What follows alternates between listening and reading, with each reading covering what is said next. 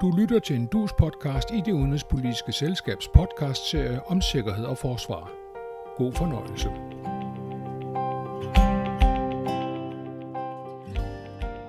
Olieforsyning til alle USA's østkyststat var nær brudt sammen, da cyberafpresser låste de IT-programmer, som styrer en pipeline fra olieområderne i Texas til østkystområdet. Først da selskabet bag rørledningen betalte omkring 30 millioner kroner i løsepenge, fik firmaet at vide, hvordan programmerne skulle låses op igen. Afpresserne menes at operere for Rusland. Cyberangreb tager til i omfang og grovhed og står højt på den internationale sikkerhedsdagsorden. Også i Danmark forbereder forsvaret sig på at afværge cyberangreb og slå igen om nødvendigt. Alt det handler det om i denne podcast i det udenrigspolitiske selskab serie om forsvar og sikkerhed. Og vores gæst i dag er adjunkt Ph.D. Jeppe Tejlsgaard Jacobsen fra Forsvarsakademiets Institut for Militærteknologi. Med er også vores faste podcaster, sikkerhedspolitisk journalist Tage Bagman. Velkommen til jer alle, og til alle, der lytter med. Jeg er Charlotte Flint Petersen, og jeg er selskabsdirektør.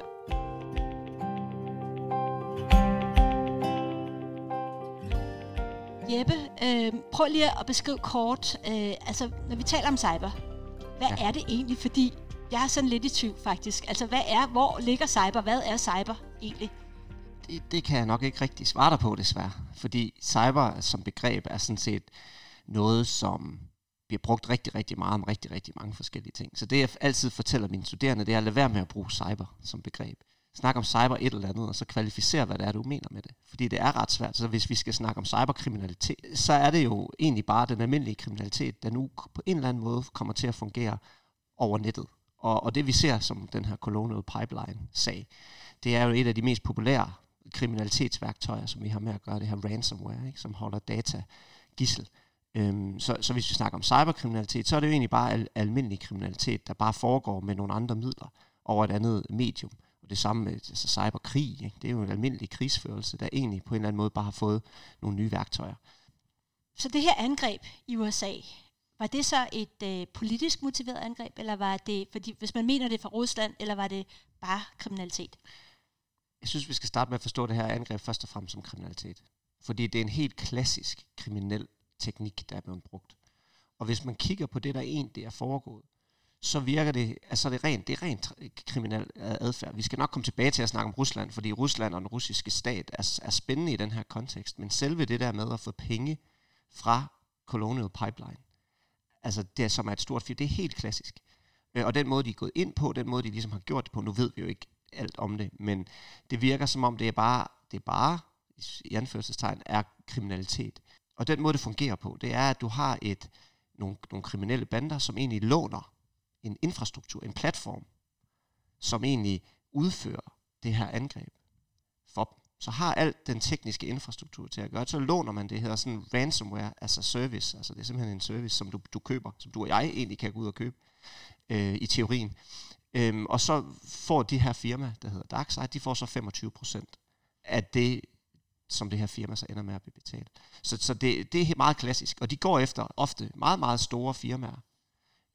Det, der så er interessant ved det, hvis vi skal snakke politik, det er jo, at de her, det her DarkSide firma, som, som udbyder den her service, de er jo, de er jo ligesom hostet i Rusland. Og, og de har ligesom et kodex om, at man rammer ikke firmaer i Rusland, men man rammer alle mulige andre firmaer.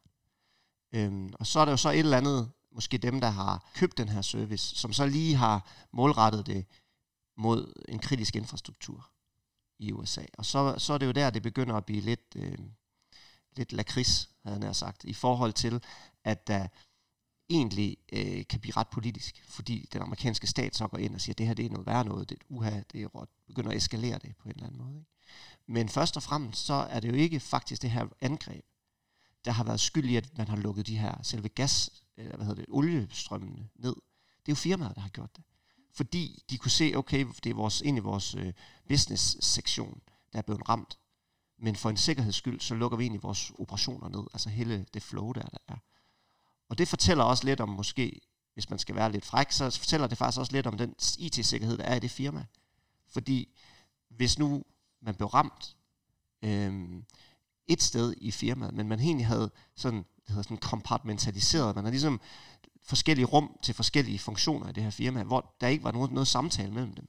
så kunne de her ransomware faktisk slet ikke komme over og ramme operationerne. Så det siger måske en lille smule omkring IT-sikkerheden i Colonial Pipeline, at de kan være sikre på, godt nok herover til venstre, det er her, at vi, vi er blevet ramt, men det kan ikke komme over til højre, som er vores primære for funktion.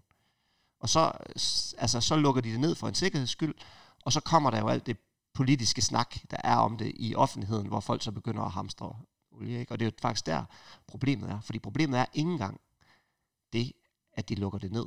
Fordi det her øh, olieforsyningen, den kunne sagtens klare det.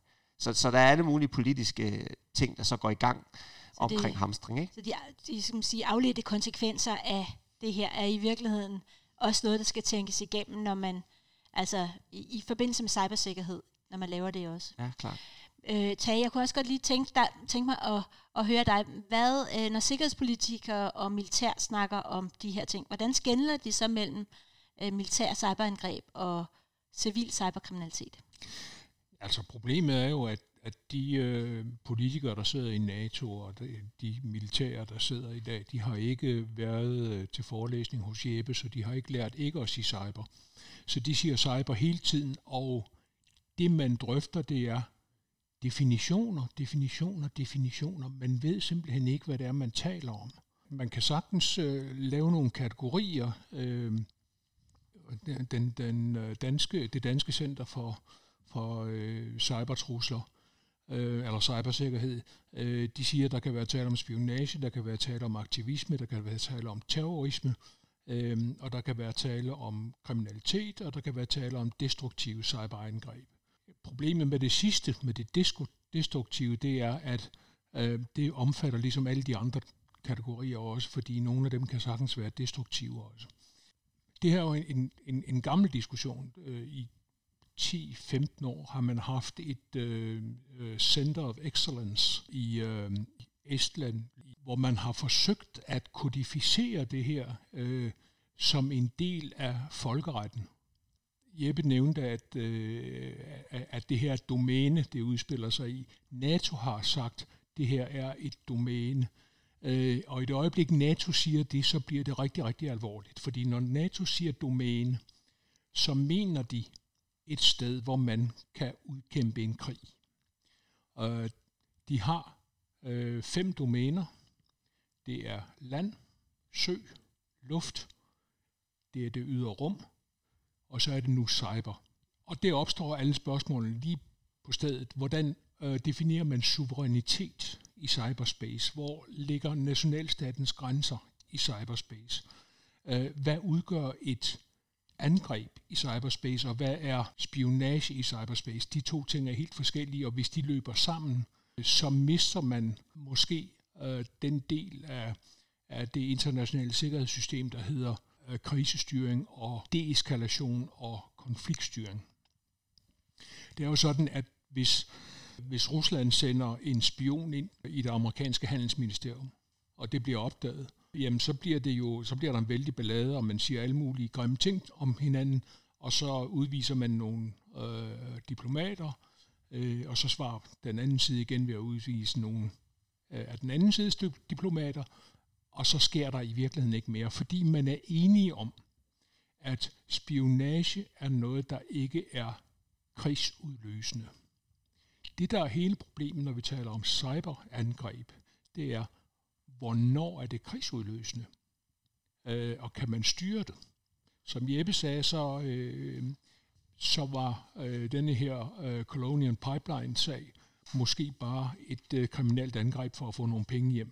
Men det løb lynhurtigt ud af kontrol, som Jeppe også beskrev, og resultatet var, at Joe Biden, den amerikanske præsident, lavede det, der hedder en executive order. Mere alvorligt kan det næsten ikke blive, medmindre man laver en lovgivning i kongressen. Og denne her executive, executive order siger jo, det her det er så alvorligt, at nu må selve præsidenten, nu må stat reagere på en eller anden måde. Og, og, og det fortæller os alle sammen noget om, hvor uendeligt vanskeligt det her det er. Øh, fordi der er også nogle af de her angreb, som virkelig er trusler mod en stats eksistens. Øh, så, så det er ikke, fordi det ikke er alvorligt, det her.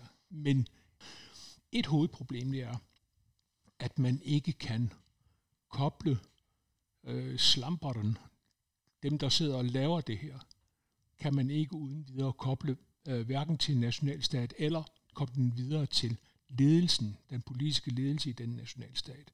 Colonial Pipeline, øh, Darkside, det lyder som om man er temmelig sikker på, at det er en russisk bande, men den næste kobling kan man ikke lave. Øh, så man kan taske løs på Putin, men man kan ikke sige til ham, det er dig, der står bag.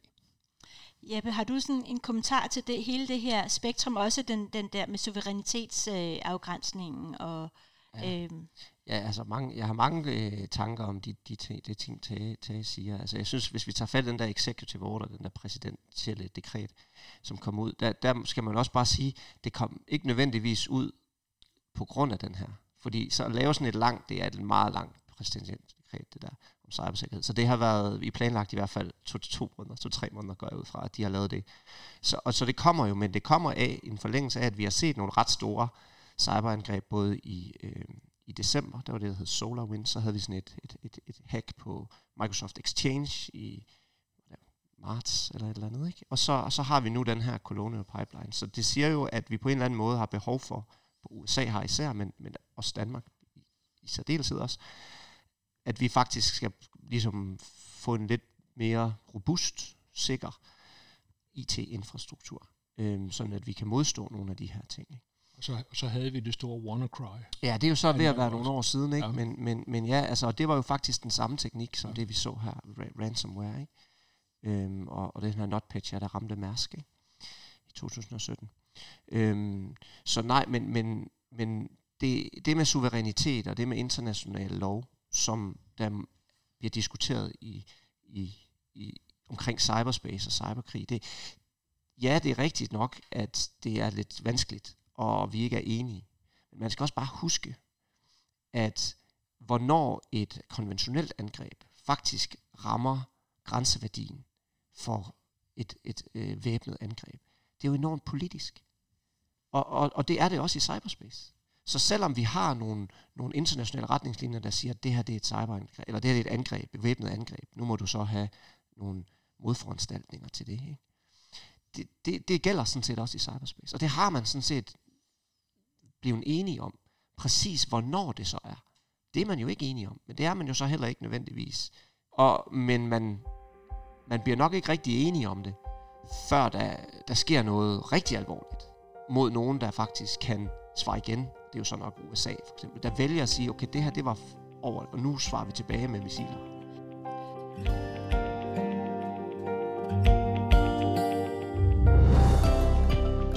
Du lytter til en DUS podcast i serien om forsvarssikkerhed. Vi taler cyberangreb med adjunkt Ph.D. Jeppe Tejlsgaard Jacobsen fra Forsvarsakademiet og DUS podcaster, sikkerhedspolitisk journalist Tage Bagman. Jeg er det udenrigspolitiske selskabsdirektør Charlotte Flint Petersen.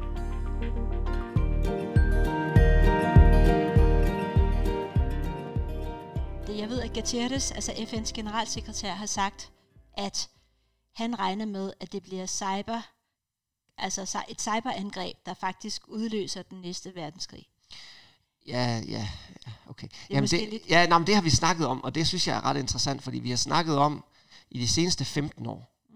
der har folk, der beskæftiger sig med det her område, de har sagt, inden for de næste 12-18 måneder, der ser vi et cyber Pearl Harbor, eller et cyber 9-11. Og nu er vi altså 15 år senere hen. Og, og, og de siger stadigvæk inden for 12, 12 til 18 måneder. Og fordi det er meget nemt at sige, at der kommer det her, men man skal bare huske, at mange af de her cyberangreb, især fra statslige aktører, som jo på en eller anden måde er det, der udløser krig mellem, mellem stater, det, det, der er jo nogle politiske rationaler bag det her. Man går jo ikke bare fordi, man lige pludselig faktisk har hacket, fået adgang til hele østkysten af det amerikanske elsystem. Det betyder jo ikke, at bare fordi man er derinde, at Rusland har nogen politisk interesse i at, at gøre det. Fordi hvis man gjorde det, så har man, altså hvorfor skulle de starte 3. verdenskrig? Det er der vel ikke rigtig så mange statslige aktører, der egentlig har særlig meget lyst til. Så der kan sagtens være misforståelser, og det som tager fuldstændig ret i, det er, at det er ret svært at lave de her attribueringer, finde ud af, hvem, hvem delen det er, der egentlig sidder og gør det, og lave de her links. Men dermed ikke sagt, at man ikke gør det. Altså forsøger ligesom at sige, jamen de her dark side, der har været bag det her, vi ved, at de er hostet i nogle server i Rusland. Altså, så har bør Rusland gøre noget ved det. Så burde man, og det er jo det, man forhandler i FN, hvor man siger, der skal være nogle gode praksiser her. Der skal være en mulighed for, at jeg kan ringe til dig og sige, prøv at høre, du har en server i din baghave, der hamrer alt muligt øh, halvøj mod mig. Jamen, stop det.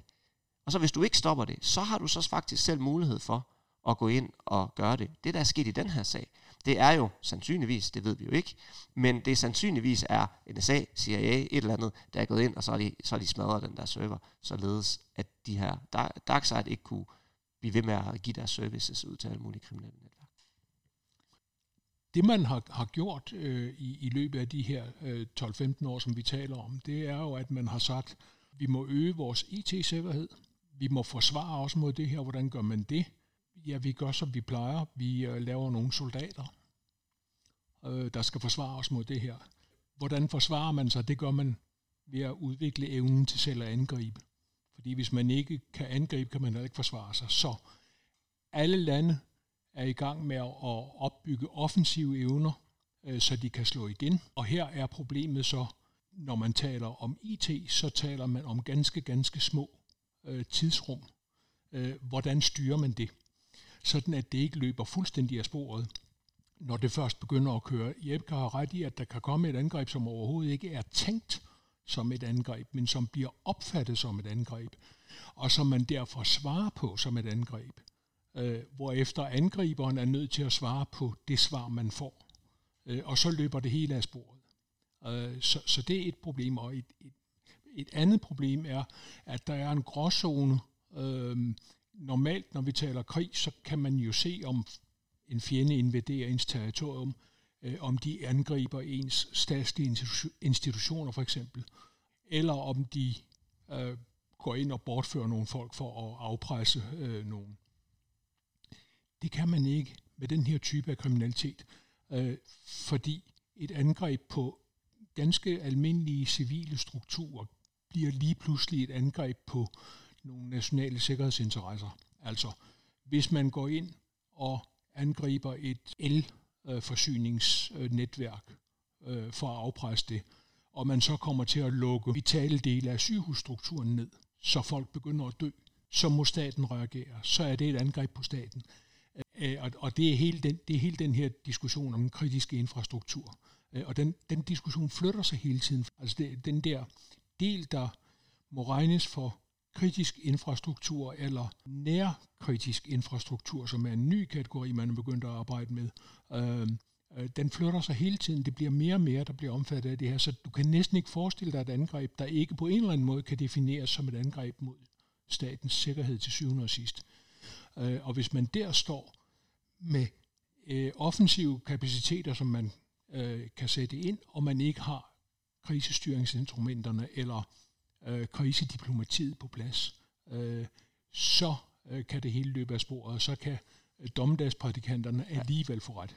Ja, men, men vi skal også bare huske, selvom at nu er jeg jo selv en del af, at, at, af forsvaret, det arbejde, vi, arbejde, vi, vi laver med at, at få integreret nogle af de her kapaciteter ind i nogle af de offensive, øh, den offensive værktøjskasse, det at vi kan bruge det i de militære operationer, som vi er en del af, så, så er dermed ikke sagt, at vi jo ikke spytter allerflest penge i forsvaret, altså og sikkerhed. Altså Center for Cybersikkerhed er jo vokset eksponentielt, havde jeg sagt, og det er jo også med rette. Altså det er jo for at, at, at hjælpe de nær kritiske infrastrukturer, de store og mellemstore virksomheder, øh, statens og institutioner med faktisk at, at højne det niveau. Og der er rigtig, rigtig meget arbejde. Øhm, og det er ikke bare, at man skal poste flere penge i det. Altså det er jo også, at der, der er nogle prioriteter også i det private og det, de offentlige institutioner, der faktisk er, er en anden modenhedsgrad.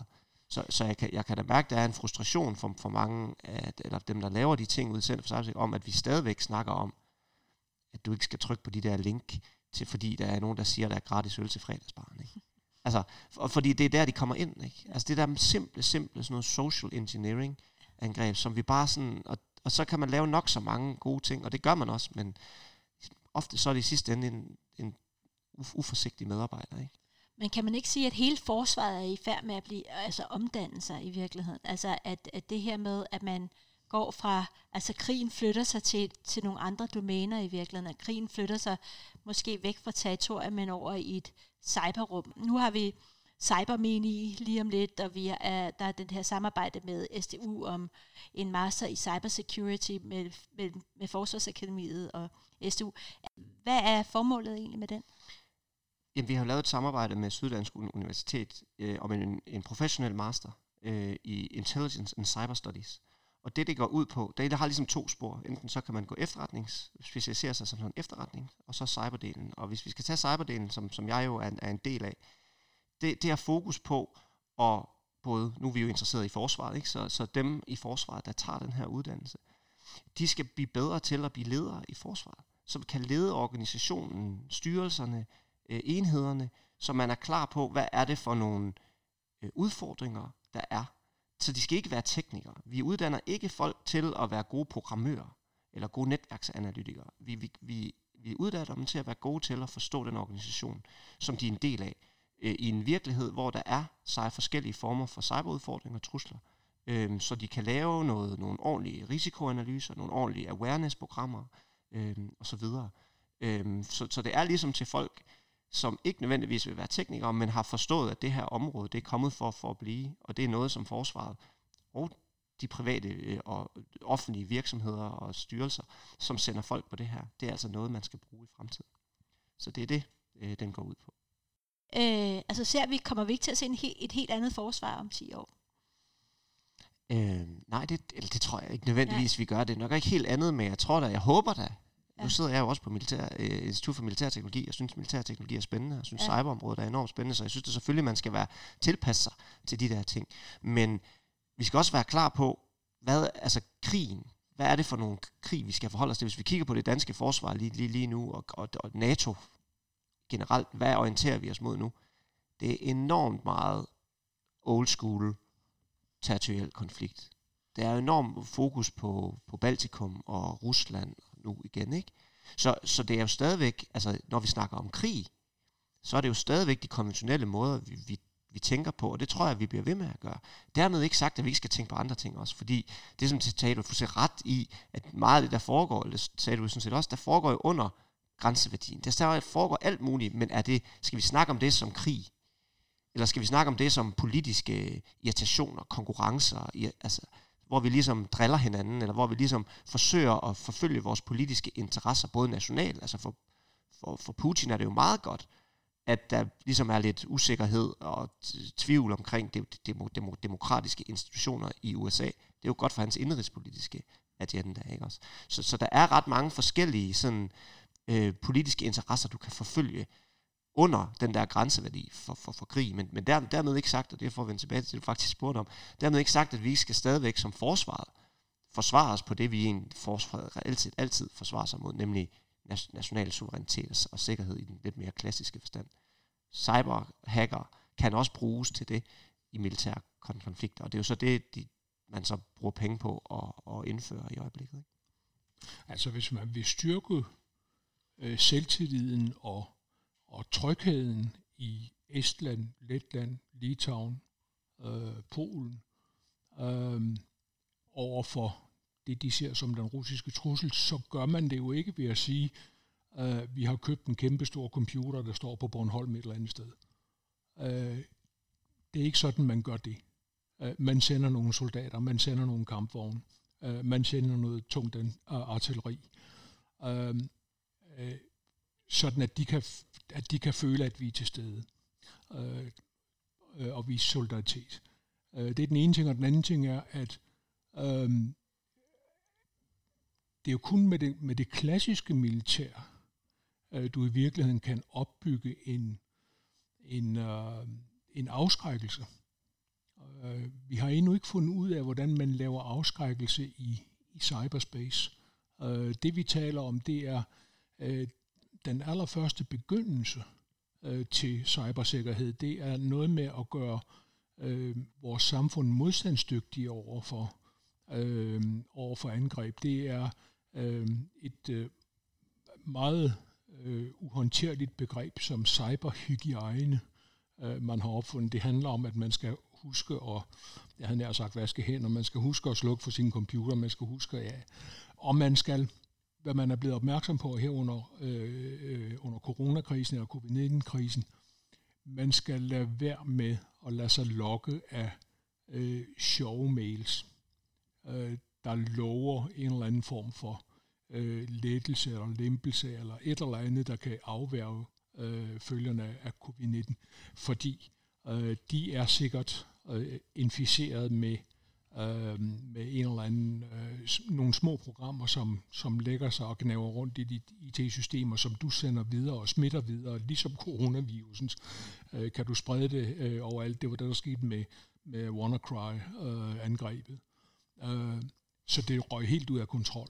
Øh, og WannaCry-folkene sagde jo bagefter, at det her det førte steder hen, som de slet ikke ville, øh, men det løb løbsk for dem. Øh, øh, så så øh, nej, Øh, jeg er enig med Jeppe. Øh, det klassiske militær vil stadigvæk være der, øh, og skal stadigvæk kunne, øh, kunne vises fysisk. Øh, vi er her, og I, I, I, skal ikke, I skal ikke prøve på noget. Når vi sender en dansk soldat, eller når man sender en amerikansk soldat ud til grænsen mellem øh, øh Letland og Rusland for eksempel, så ved Rusland, at hvis de kommer til at slå den amerikanske soldat ihjel, så er USA en del af den konflikt, der så kommer. Øh, så det giver en vis tilbageholdenhed, kan man sige. Øh, som i cyberspace prøver man så øh, at sende små grønne mænd ind uden, øh, uden skuldermærker, så man ikke kan se, hvor de hører hjemme. Øh, det er lidt det samme, man gør i cyberspace, når man øh, hugger en server i et andet land og, og forsøger at slette sine spor. men, men det klassiske militær, det vil vi stadigvæk skulle have og vi vil også stadigvæk skulle have den overbygning, der hedder øh, atomparaplyen. Du havde en kommentar, Jeppe. Nå, men det var til det der med, med, med, med afskrækkelse, fordi du var fuldstændig ret i, at det er ret svært, og det diskuterer vi enormt meget i forskningsverdenen, inden for cyberspace i hvert fald, at hvad afskrækkelse ligesom kan gøre. Men man kan jo sige det på den måde, at hvad er det, vi skal afskrække? Fordi vi har jo netop, når så længe vi ikke har set det her kæmpe store eskalation, som Gutierrez han ligesom frygter, så er der måske på en eller anden måde en eller anden tilbageholdenhed med, at vi, er, vi afholder os selv fra at gøre de her ting, fordi vi, der er ikke nogen interesse i det, fordi vi, vi ved, at, at det er jo ikke bare cyber, man sparer tilbage med, hvis man, hvis man nu gør noget i cyberspace. Der kan jo også komme missiler i hovedet på en tilbage. Ikke?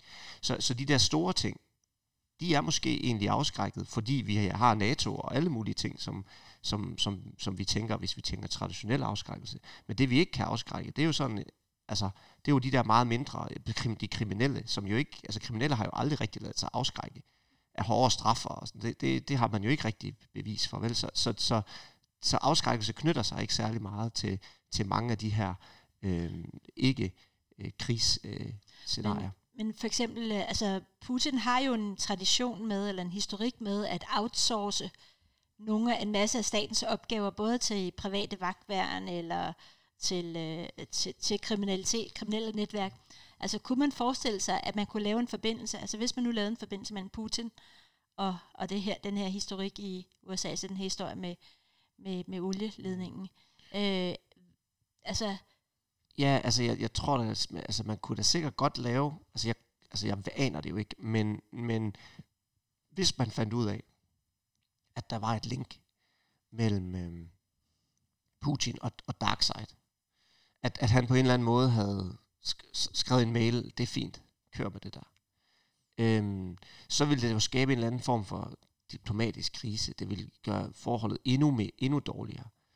Men, men jeg har svært ved at se, hvordan det vil få missilerne til at regne ind over Moskva. Altså, det, så der er også en proportionalitet her. Ja, ja, det vil, det vil gøre vores forhold endnu dårligere. Fordi det vil, altså, men altså det vil nok ikke nødvendigvis for mig føre til, eller, sådan, eller som jeg ser det i hvert fald, føre til direkte eskalation.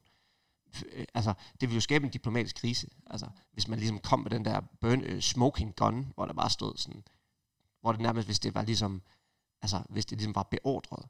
Men jeg tror, uden at, at være Ruslands ekspert, så, så vil jeg da forvente, at måske det er meget mere implicit. Det er meget mere sådan, at se gennem fingre med det. Og at man bare ved, du skal bare ikke ramme russisk infrastruktur. Du skal ikke ramme russisk businesses med din ransomware et sidste spørgsmål. øh, det er hele den der teknologiske konkurrence. Altså, hvad betyder det i forhold til, til cyberområdet? Altså, vi, vi har også et Kina, for eksempel, og Kina har nogle andre mål med deres cyber, øh, skal man sige, angreb. Øh, hvordan altså, vurderer du det? Den teknologiske udvikling er jo en lille smule bred, øh, Ja, bredt, ja, bredt ja, ja, begreb, men men, altså, men hvis, altså- hvis man snakker for eksempel om kunstig intelligens, udvikling Ja, ja, inden for kunstig intelligens, specifikt på cyberangreb og cyberforsvar, så det er ret, altså det, det, har, det har vi lige skrevet en bog om øh, ude hos os, om Smart Krig, der kommer om en måned, som, som handler om militær anvendelse af kunstig intelligens. Og der er skrevet et kapitel øh, om, om netop mulighederne for at, at bruge kunstig intelligens til at, at gøre øh, cyberangreb endnu mere sofistikeret, og så, men også ligesom, at det også kan hjælpe cyberforsvaret. Så vi står lidt i den samme situation, hvor vi ikke rigtig ved, hvor det udvikler sig hen. Vinder er den offensiv eller den defensiv? Så der er sådan et eller andet kapløb mellem det at, at få, få, øh, øh, få øh, kunstig intelligens indarbejdet i vores algoritmer, i vores cyberforsvarsalgoritmer og i vores cyberangrebsalgoritmer. Ikke? Så, så, så det, det er egentlig et åbent spørgsmål.